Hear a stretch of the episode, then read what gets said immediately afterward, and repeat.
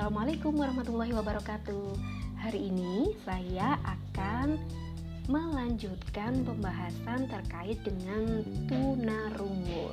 Jadi yang podcast sebelumnya sudah saya sampaikan ada beberapa pertanyaan dari teman-teman dan kali ini saya akan melanjutkan beberapa pertanyaan yang belum terjawab secara tuntas oleh kelompok.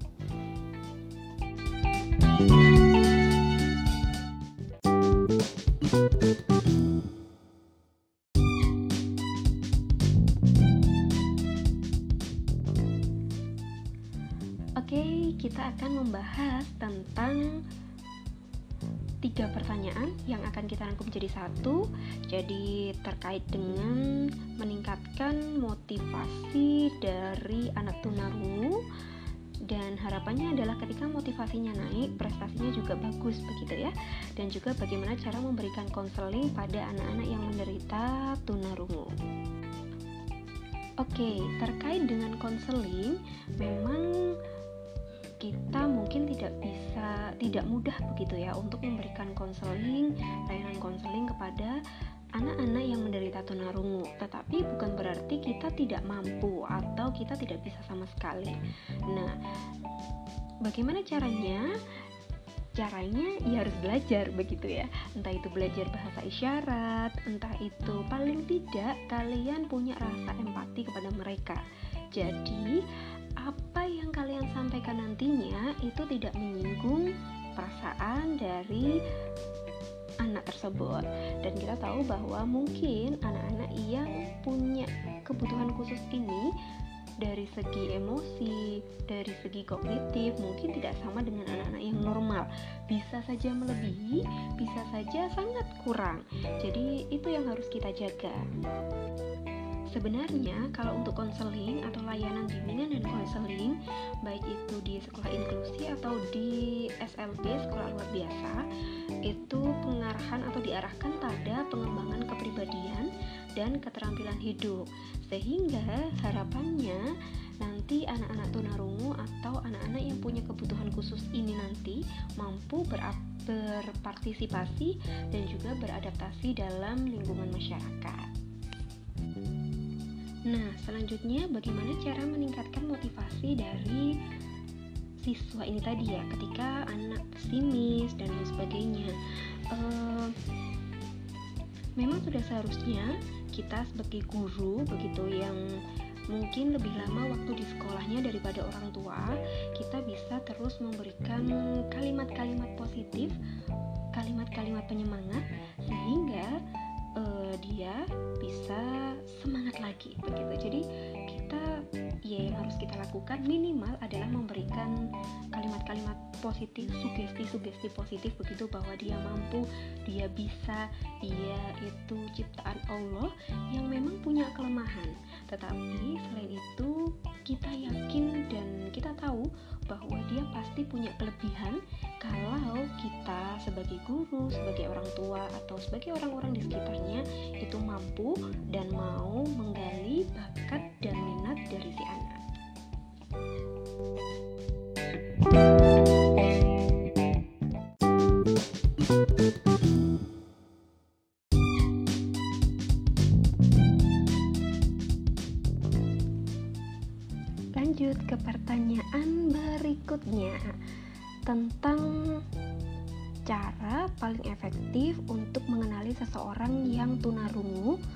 Supaya tidak menyinggung perasaannya.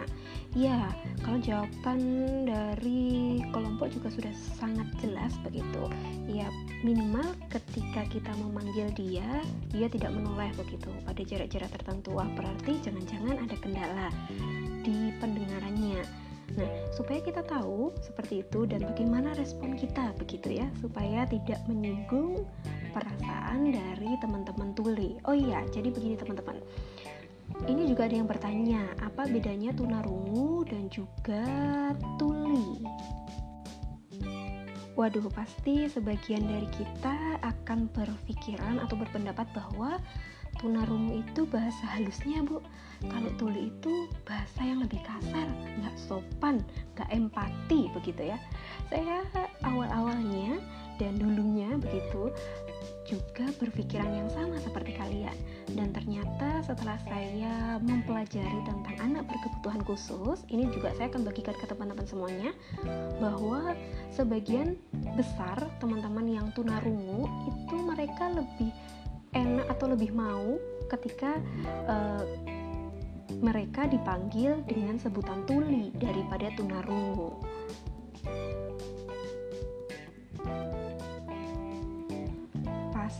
Kalian juga akan bertanya-tanya begitu ya. Loh, kok malah lebih suka dipanggil tuli sih bu daripada tunarungu? Apakah sebutan tuli itu nggak terlalu kasar buat mereka?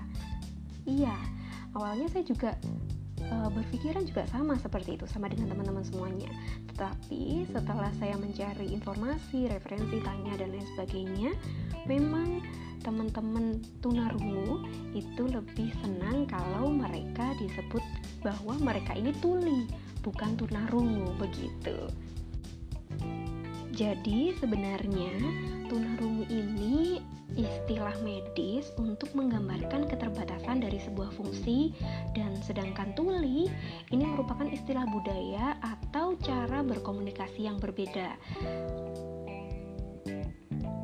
Sebenarnya istilah tuli ini juga merupakan akar kata bahasa Indonesia yang menggambarkan ragam jenis keadaan seseorang. Jadi bukan ketidakmampuan berbicara seperti itu. Jadi itulah kenapa teman-teman yang yang tunarungu lebih suka begitu ya ketika mereka dipanggil atau dijuluki bukan dijuluki kalau dijuluki itu terkesan bullying begitu ya jadi e, mereka lebih suka dikenali dengan teman-teman tuli daripada teman-teman tunarungu karena menurut mereka tuli itu sebuah istilah budaya atau cara berkomunikasi seperti itu. Jadi ya sebenarnya mereka sama dengan kita. Bedanya komunikasi mereka adalah dengan cara uh, dengan cara-cara tertentu seperti itu. Oke, kembali lagi ya tentang cara paling efektif untuk mengenali seseorang yang tunarungu. Kembali lagi bahwa ketika seseorang tidak ketika dipanggil tidak menoleh begitu.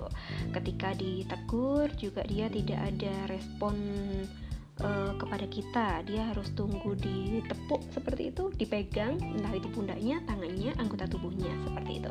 Nah, itu berarti ada kemungkinan mereka memang ada gangguan pada pendengarannya. Selain itu, ada juga yang menanyakan tentang ciri-ciri bayi yang tunarungu itu seperti apa dan bagaimana cara kita berkomunikasi dengan bayi tunarungu yang mungkin baru memakai panca indera pendengaran saat awal lahir. Oke. Okay.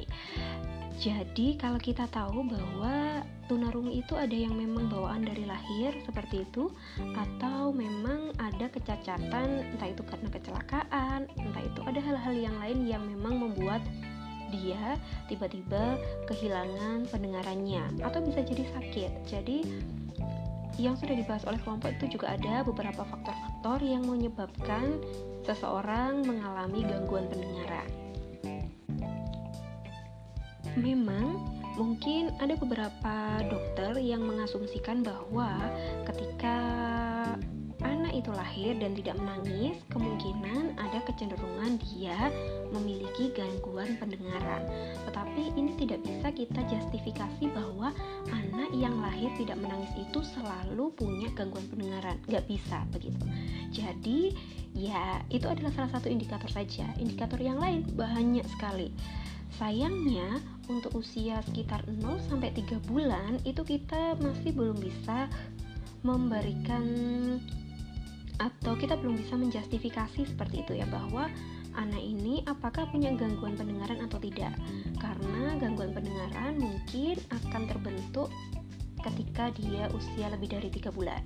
Jadi usia 0 sampai 3 bulan boleh distimulus saja diberi rangsangan. Jadi rangsangannya ya karena pendengaran berarti harus permainan-permainan yang e, mengeluarkan suara. Beberapa ahli itu memang tidak menyarankan bahwa suara di sini harus dari gadget begitu ya dari handphone seperti itu. Tetapi bisa dari permainan-permainan yang memang mengeluarkan bunyi yang cukup nyaring kerincingan-kerincingan begitu ya kalau kata orang Jawa. Jadi uh, mulai dari 0 sampai 3 bulan bisa distimulus seperti itu diperdengarkan mungkin sekitar 10 20 sampai 30 cm di telinga kanan atau telinga kiri begitu. Setelah 3 bulan nanti kita bisa tahu responnya. Uh, misalkan ada kerincingan itu tadi ketika diletakkan mulai dari depan dia lalu ke arah kanan begitu ya dikerincingkan ke arah kanan dibunyikan ke arah kanan apakah si bayi ini akan menoleh ke kanan atau tidak ada beberapa bayi memang yang langsung respon begitu ya respon langsung nengok kanan. Tetapi ada juga bayi yang responnya lambat begitu lola begitu ya lodinya lama. Bukan berarti dia memiliki gangguan pendengaran tidak. Tetapi mungkin memang dia butuh proses untuk mencerna apa yang uh, stimulus atau rangsangan yang diberikan oleh orang-orang sekitarnya itu tadi. Jadi di stimulus saja terus dirangsang saja terus jadi usia 0 sampai 3 bulan 3 bulan nanti kita bisa tahu bahwa apakah anak memiliki gangguan pendengaran atau tidak ketika itu sudah dicoba sudah dicoba dan tetap tidak respon maka yang harus kita lakukan adalah membawa anak ke puskesmas atau rumah sakit terdekat untuk diperiksa tenaga medis. Dan ini tentunya bukan berarti sekali cek langsung kok nggak bisa respon ya? Langsung dibawa ke rumah sakit aja. Enggak. Jadi uh, jangan terlalu gugup begitu. Silahkan dicoba lagi dicoba lagi. Kalau sudah sampai hampir enam bulan maka orang tua atau keluarga terdekatnya sudah sudah seharusnya membawa mereka ke puskesmas atau rumah sakit terdekat. Begitu. Lalu selain itu menindaklanjuti hasil pemeriksaan dari tenaga medis dengan mengikuti petunjuk dan saran yang diberikan. Lalu eh, apa yang diberikan dari tenaga medis? Apakah memang harus menggunakan alat bantu dengar atau ada treatment-treatment tertentu supaya mengembalikan pendengaran dari anak atau hal yang lain? Selanjutnya adalah memasukkan anak ke sekolah yang sesuai dengan uh, kebutuhan dia ya, kebutuhan dia dan sesuai dengan saran dari tenaga medis tadi. Lalu biasakan untuk menarik perhatian anak terhadap bunyi-bunyi lingkungan yang sering terjadi. Mungkin seperti orang mengetuk pintu, suara telepon, suara sepeda motor, bunyi mesin mobil, atau hal-hal yang lain yang ada di lingkungan sekitar kita. Dan yang terakhir, biasakan agar orang tua atau orang-orang terdekat dari si anak ini tetap mengajak bicara anak dengan berhadapan muka agar wajah dan gerak bibir orang tua terlihat jelas. Jadi, kalau memang ada indikasi dari tenaga medis bahwa anak mengalami gangguan pendengaran, maka ya yang harus kita lakukan adalah berhadapan muka supaya dia tahu gerak bibir dari orang tua ini terlihat jelas. Jadi begitu. Artikulasi kita juga harus jelas. A I U E O begitu. Sambil berjalan mungkin orang tua atau orang-orang sekitarnya bisa belajar bagaimana caranya untuk e, mengembangkan bakat atau potensi dari si anak. Jadi seperti itu. Ini saya ambil dari Kementerian Panduan Penanganan Anak Berkebutuhan Khusus bagi pendamping orang tua, keluarga dan masyarakat dari Kementerian PPPA begitu ya. Jadi Kementerian Perlindungan Anak. Bukan ya. ya itu pokoknya saya juga sedikit lupa ya Kemen PPA itu apa ya jadi nanti silahkan dicari sendiri ya Kemen PPPA itu apa